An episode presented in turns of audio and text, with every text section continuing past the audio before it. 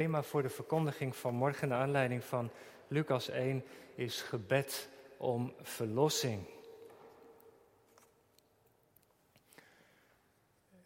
U die thuis meeluistert, meekijkt en u hier in de kerk, gemeente van de Jezus Christus.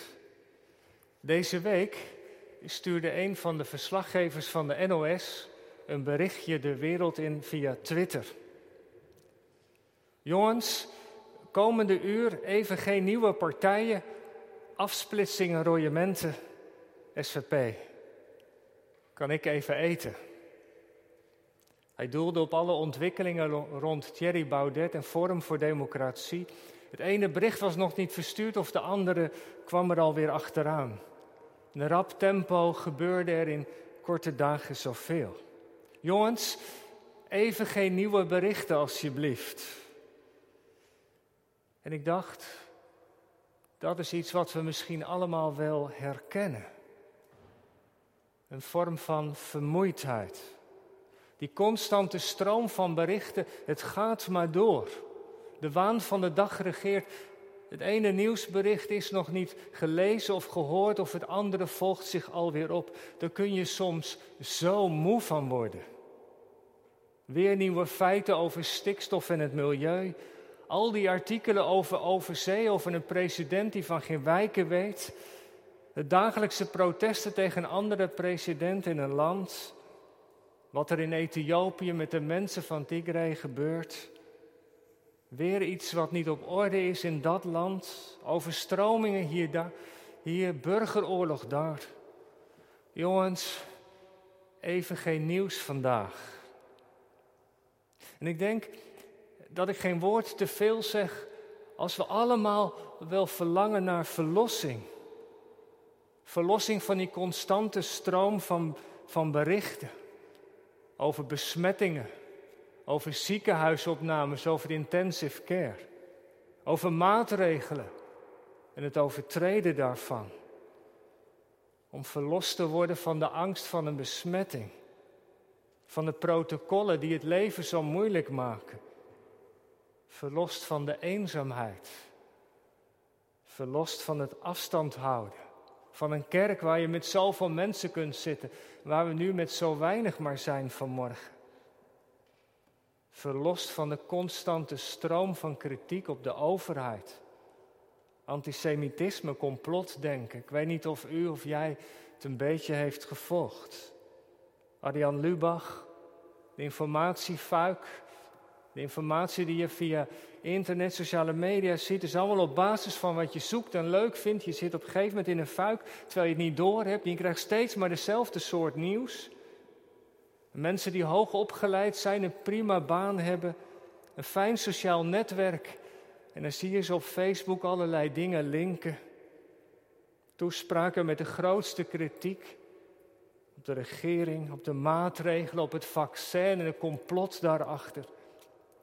Wat kun je daar toch moe van worden? Wat is waarheid? Wat zijn de feiten waar je op aan kunt? Ik weet niet hoe, hoe u of jij deze tijd ervaart, maar ik kan soms zo hunkeren naar verlossing. Ken je dat niet?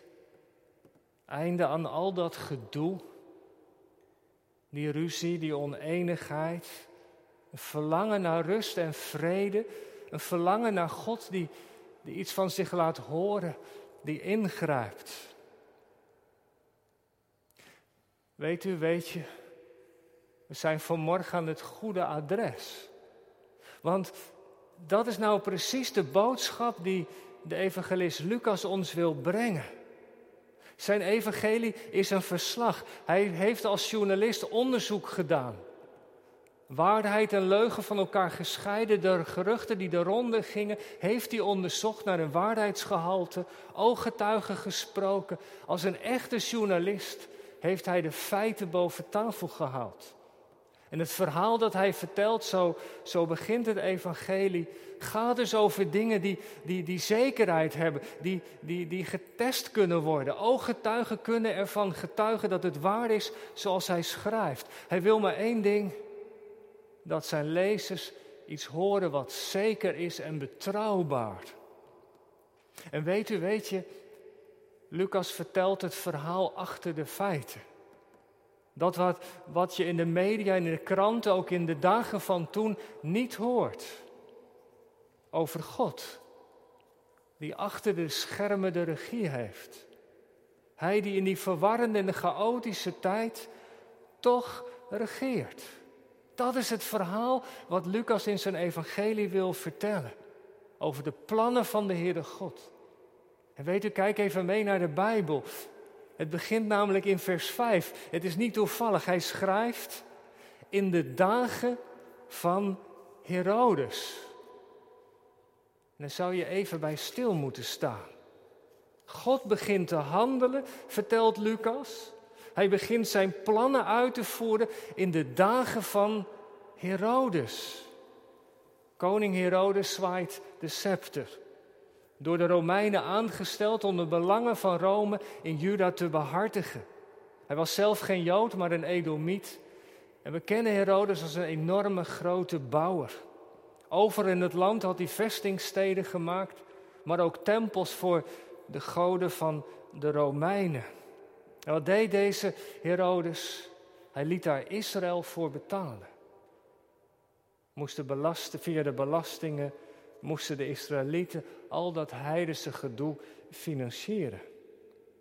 En bovendien, Herodes was ook nog eens ontzettend vreed. Hij was zo bang om zijn koningschap te verliezen dat hij zijn eigen drie zoons, zijn schoonmoeder, om het leven liet brengen. Zo achterdochtig als hij was. Het is de koning van de kindermoord in Bethlehem. En het schijnt zo, vertelt het verhaal, dat keizer Augustus eens over Herodes had, het volgende had gezegd: dat je nog maar beter het varken van Herodes kunt zijn dan zijn eigen zoon. Een moeilijke tijd dus. En juist vanwege de overheersing van de Romeinen giste het in het volk. De mensen konden Herodes niet zien of luchten. Er was een geest van opstand en rebellie tegen de verzetter. Ja, er waren mensen die, die, die goede zaken deden met de Romeinen. Maar er waren ook mensen die daar zo anders in stonden. En daar niets van moesten weten. Veel opzichten, moeilijke tijd en geestelijk. Ja, ook dat niet eenvoudig. De tempeldienst had Herodes zich mee bemoeid. Hij had hoge priesters aangesteld die niet door de, door de heren waren uitgekozen. In de dagen van Herodes. Al 400 jaar had God niet meer tot zijn volk gesproken. De laatste profeet Malachi.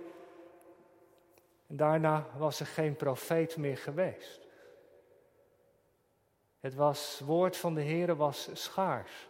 Zoals in de dagen van Samuel. Er waren geen profeten, geen visioenen. De hemel leek van, was van kopen. God sprak niet meer tot zijn volk. Hij had zich teruggetrokken. Zo was de situatie geworden. Door de ontrouw en ongehoorzaamheid had God er het zwijgen toe gediend. Maar, maar weet, je wat nou, weet je wat nou zo bijzonder was? Daar in die stad Jeruzalem waren nog mensen die de hoop niet hadden opgegeven. Er waren mensen als Zacharias en Elisabeth, Simeon en Anna, die in de stilte waren blijven bidden. Zo lezen we dat in het volgende hoofdstuk. Simeon was een oude man die de vertroosting van Israël bleef verwachten. Anna die de verlossing verwachtte in Jeruzalem. Er waren daar mensen in die stad Jeruzalem in die donkere tijd die door waren gegaan met het gebed.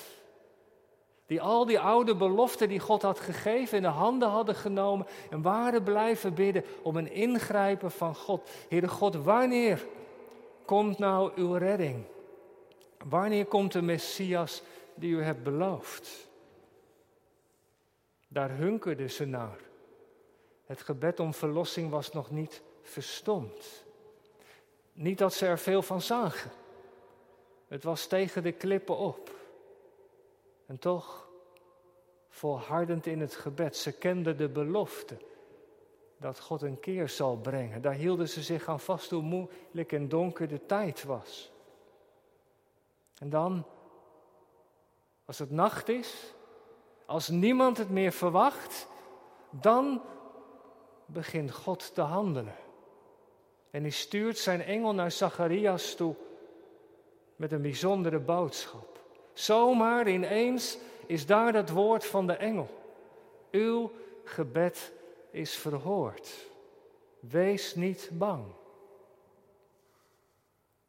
Het zal je maar gebeuren. Dat er een engel bij je op bezoek komt. Ik weet niet hoe u of jij zou reageren. Maar ik denk dat we behoorlijk zouden schrikken, toch? Een engel. En dan nog wel Gabriel, een van de hoogste en machtigste engelen die er zijn. Bij mij? Ik? De schrik zou ons om het hart slaan. Zou zomaar kunnen. En de boodschap, als tegen je gezegd zou worden: Jouw gebed, uw gebed is verhoord. Ik weet niet, als een engel dat, of een boodschapper van God dat tegen mij zou zeggen, of tegen u of tegen jou, zou u dan nog weten om welk gebed het, het zou gaan? Er zijn in onze gebeden toch zoveel dingen die, die de revue passeren. Als je bidt voor je eigen leven, je gezondheid, je gezin, je kinderen, je, je ouders, je grootouders, misschien wel de dingen op je werk of in de wereld. Er zijn zoveel dingen die in onze gebeden passeren, die we tegen de Heer uitspreken. Uw gebed is verhoord. De uitleggers zijn het er met elkaar niet over eens waar de engel nou precies op bedoelt.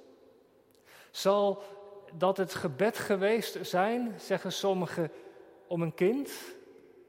Zacharias en Elisabeth waren immers kinderloos. Was een diep verdriet in hun leven. Voor Zacharias geen opvolger, voor Elisabeth zeker ook. Zeker in die dagen. dat, dat verwoordt ze ook verder in het laatste vers van de schriftlezing. Daar proef je iets hoe diep dat ingrijpt. Zo zo, als je verlangt naar een kind en je wordt niet zwanger, dan is dat al heel pijnlijk en moeilijk, maar, maar zeker ook in die dagen. Want zij zegt, de Heer heeft acht op mij geslagen als ze dan uiteindelijk zwanger wordt.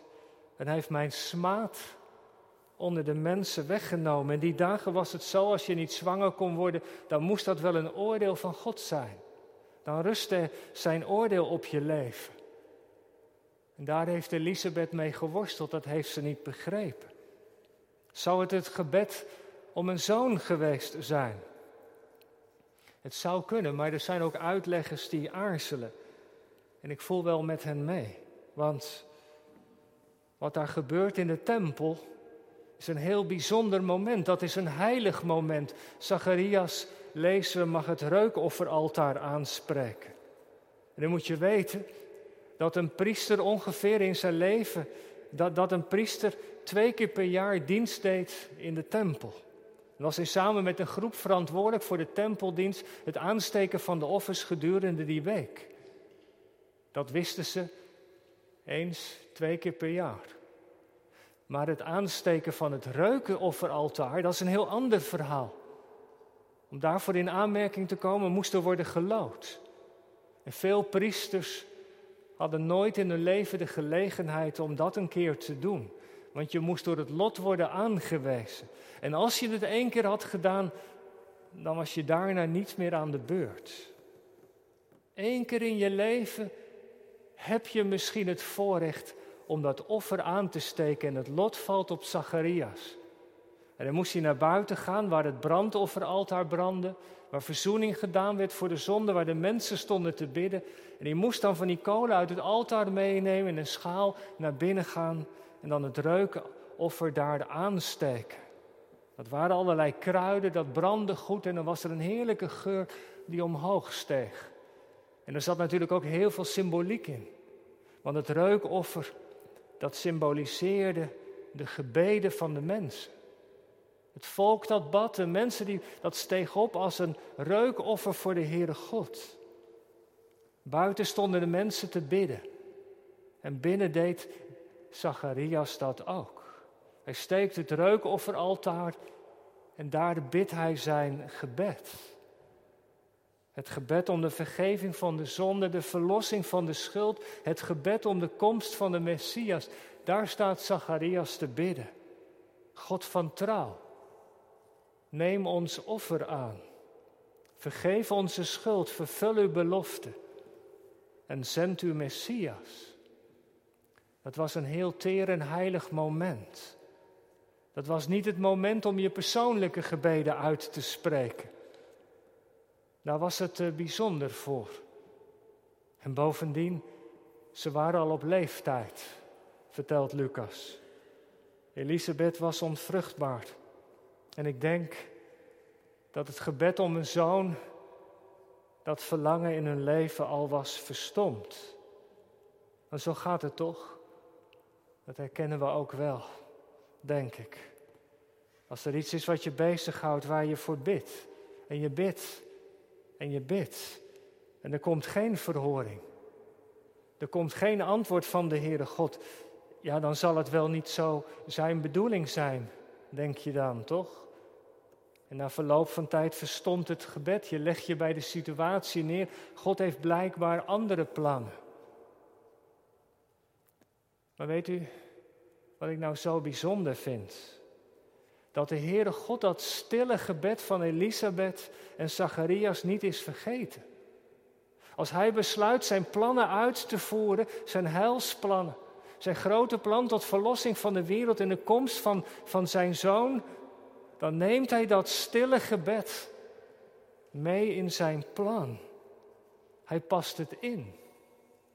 En ik vond dat zo ontroerend om te lezen dat de Heere God ook die stille gebeden van mensen niet vergeet. En ik zou zeggen vanmorgen, wees er door bemoedigd dat gebed wat u al zo lang bidt. Gaat u daarmee door. Want God hoort. Ook dat stille gebed, dat vergeet Hij niet. Nee, dat is waar. God verhoort niet al onze gebeden, alles wat we aan Hem vragen. Maar als het past bij Zijn plan, dan voegt Hij het in. Dan neemt Hij het op. Op een moment dat je misschien al lang niet meer aan dacht. Je het al lang weer bent vergeten. Maar zo is God. Ook dat stille gebed. Als het past bij zijn plan, dat neemt hij op, al is het jaren later. Zo ook hier. Uw gebed is verhoord. Wat een wonderlijk woord van de engel, hoort Zacharias daar. En je zou denken, hè, als de Heere God eindelijk na zoveel jaren weer het zwijgen doorbreekt. Als Hij naar je toe komt via een boodschappen en zegt, jouw gebed is verhoord. Ja, wat doet dat met je? Ik denk dat je stil wordt van verwondering en dankbaarheid. Er zullen misschien tranen vloeien. Wie zal het zeggen? Je roept halleluja, dank u Heer. Maar dat is niet de reactie van Zacharias. De boodschap van de engel stuit op ongeloof. Ik ben oud, mijn vrouw is onvruchtbaar. Het kan niet. En uit het Grieks blijkt dat hij hevig in verzet is geweest tegen de engel. Niet zomaar tegengas gegeven, maar, maar voor Zacharias kon het niet. Dat hoofdstuk is al lang voorbij in hun leven.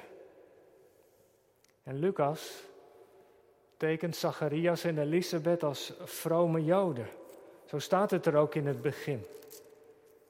Ze zijn echte tzadik, tzadikim. Vers 6, ze waren rechtvaardig voor God. Ze wandelen onberispelijk, zijn mensen die de dienst aan God serieus nemen. En, en als er iemand open zou staan, als je dagelijks leeft bij de woorden van God, als er iemand open zou moeten staan voor een boodschap van God, dan zij toch wel. Maar weet u, dat is geen garantie. Want geloven is niet zomaar iets. Geloven, dat is God helemaal. Geloven op zijn woord, dat is zijn woorden omarmen en voor waar aannemen. En dat is nog helemaal niet zo eenvoudig. Dat zie je trouwens in de Bijbel voortdurend. Abraham, Mozes en, en vele anderen, wat hebben ze geworsteld met de woorden van de Heere God om zich over te geven aan de belofte van God. Dat is nog niet zo eenvoudig. Als God tegen je zegt, wat er ook in jou of uw leven speelt, wat er allemaal gebeurd is, ik ga jou gebruiken. Of ik ga een van je kinderen gebruiken. Terwijl je die hoop al lang hebt opgegeven. Het kan gewoon niet, denk je. Ja, anderen misschien, maar ik? Nee. En weet u, weet je, dat is nou wat er gebeurt. Advent is dat mensen zonder perspectief, die met lege handen staan, door God worden gebruikt. Israël die een speelbal is van de machten. Een donkere tijd. En dan komt een engel met een hoopvol verhaal, een boodschapper van de Heere God. God gaat jullie toch gebruiken. Hij heeft het gebed verhoord. Maar Zacharias kan er helemaal niets mee. En als je goed naar de woorden kijkt, dan zie je hoezeer hij de focus legt op zichzelf. Ik? Wij? Nee, dat kan niet. Dat kan niet meer, echt niet. Dat is, dat is onmogelijk. Vroeger misschien, maar nee, nee, nu niet meer. En weet u, dat is nou precies wat ongeloof is. Ongeloof is kijken naar jezelf, naar je eigen mogelijkheden, naar wat je hebt of wat je niet hebt. Zacharias reageert met ongeloof en hoe herkenbaar is dat wel niet als we eerlijk zijn. En dan kan er zomaar ook berusting komen. Je geeft je verwachting van God op. Vroeger, oh ja, mijn studententijd was ik nog wel heel vurig. Was ik heel actief op de kring. Maar al gaandeweg door de gang van het leven is het geloof wat naar de achtergrond geraakt. Misschien is het wel bij jou zo of bij u. Dat die verwachting, dat je daarin teleurgesteld bent. En dat nu meer twijfel is. God, ach, ik heb zo vaak gebeden. En heeft niet geantwoord. En nu geloof ik het niet meer. En is er twijfel. Hoe weet ik of het waar is? Misschien wel pijn. Nee, joh, begin er maar niet over. Dat is echt iets van het verleden. Ik heb dat nu afgesloten. Je hebt de dingen aanvaard. Maar zo werkt het bij de Heere God niet. Hij is bezig met verlossing. Hij wil ons redden. En jongens en meisjes, die reddingsboei, die wordt uitgeworpen. Als je in het water valt, heb je redding nodig. Daarover gaat wat Lucas vertelt. God is een God die zegt, zie, ik maak alle dingen nieuw. En in dat uitwerken van die verlossing kiest hij mensen die met lege handen staan. Hij kan Zacharias en Elisabeth, hij kan u, jou en mij gebruiken. Zomaar inschakelen in zijn plan. Want hij is aan het werk. In deze wereld. God begint daar te werken. Waar er nou juist geen hoop is en verwachting. Advent wil zeggen, ik zal verlossing brengen. En zo trouw is de Heer. En hij heeft de verlosser laten komen. Wij weten hoe het evangelie afloopt. In de komst van de Heer Jezus heeft hij die belofte vervuld. Het is kerst geworden. Het kind is geboren. Hij heeft hier op aarde geleefd. Hij heeft verzoening gedaan voor onze zonden. Hij is gestorven aan het kruis. Hij is opgevaren naar de hemel en daar zit hij naast de Vader op de troon. En hij komt terug, op de wolken van de hemel. Weet u, er was daar in Jeruzalem een groep mensen die baden. Dat gebed om verlossing. En dat gebed is door de geschiedenis van de kerk meegegaan. Je kent het wel. Het is maar één kort gebed. Het is Maranatha. Dat is wat de christenen over, door de eeuwen heen steeds weer hebben gebeden. Je komt het in de brieven van Paulus tegen. Dat gebed om verlossing van de Joden daar in Jeruzalem. Dat is door de kerk overgenomen. Maranatha, kom Heer Jezus, kom spoedig. En als wij het onze Vader bidden, dan bidden wij eigenlijk datzelfde gebed, Heere God, laat uw koninkrijk, laat de koning komen. Heer Jezus, de wereld is in nood. Uw volk is verstrooid, maar Maranatha, kom, Heer Jezus, maak alles nieuw. Het gebed om verlossing. Het is ook een spannend gebed. Want als God komt, zijn we daar dan klaar voor? Als Jezus komt, zijn wij dan met de goede dingen bezig? Of moeten wij eerst nog schoon schip maken? Ja, is prima als hij komt, maar, maar nog even niet, want Zacharias en Elisabeth krijgen een zoon. Johannes is zijn naam. En Johannes krijgt een hele speciale opdracht van de engel. Hij krijgt de opdracht om het volk Israël voor te bereiden op de ontmoeting met God. Hij moet een toegerust volk maken. Zo vertelt Lucas dat in een van de versen hier. Een toegerust volk. En dat woordje, dat komt uit de scheepsbouw. Het gaat over een boot. Als een boot gebouwd wordt die op het grote water op de zee moet varen, dan moet die zeewaardig zijn, stormproof kan natuurlijk niet zo zijn als een boot gebouwd wordt dat hij bij de eerste de beste storm ten onder gaat. Een schip moet stormproof zijn. Jonge leider kun je natuurlijk wel begrijpen hoe belangrijk dat is. Als het stormt, dan moeten de dingen stevig zijn. Maar dat is wat Johannes moet doen. Hij moet de mensen voorbereiden op de komst van de Heer Jezus. Want als de Heer Jezus terugkomt aan het einde van de tijd, dan zal het hevig gaan stormen. Dan komen de oordelen van God over deze wereld. En zijn wij daar klaar voor? Zijn we gereed om Hem te ontmoeten? En weet je wat nodig is? Dat we opruimen wat niet goed is.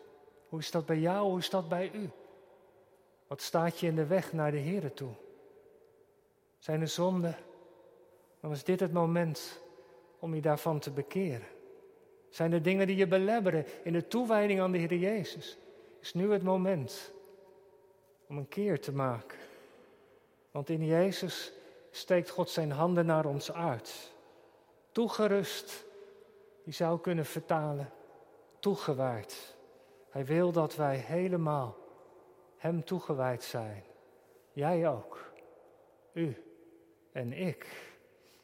Gemeente, ik rondaf. Volgende week hopen we het avondmaal te vieren. De week die komt is een week van voorbereiding. Het is een traditie die we hebben. Maar het is goed om de vraag mee te nemen. Wat staat mij naar de Here toe in de weg? Zijn er zonden die ik moet beleiden? Is er iets wat ik goed moet maken met een broeder of zuster? Schoon schip misschien. Benut de week om dat te doen. Maar één waarschuwing. Laten wij oppassen om niet alleen naar onszelf te kijken. Want als we alleen maar naar onszelf kijken, daar schieten we niks mee op. Nee, laat deze week een week zijn waar we vooral kijken naar de Heer Jezus. Hij die zijn leven voor ons gaf. En laat het maar gewoon meebidden met de kerk van alle eeuwen. Maranatha, kom Heer Jezus. Zal komende week de week zijn dat u komt. En als wij bidden, dan antwoordt onze heiland. Zie, ik sta aan de deur en ik klop. Als iemand naar mijn stem hoort en de deur opent, ik zal bij hem binnenkomen, een maaltijd met hem houden. Wat bijzonder zal dat zijn. Amen.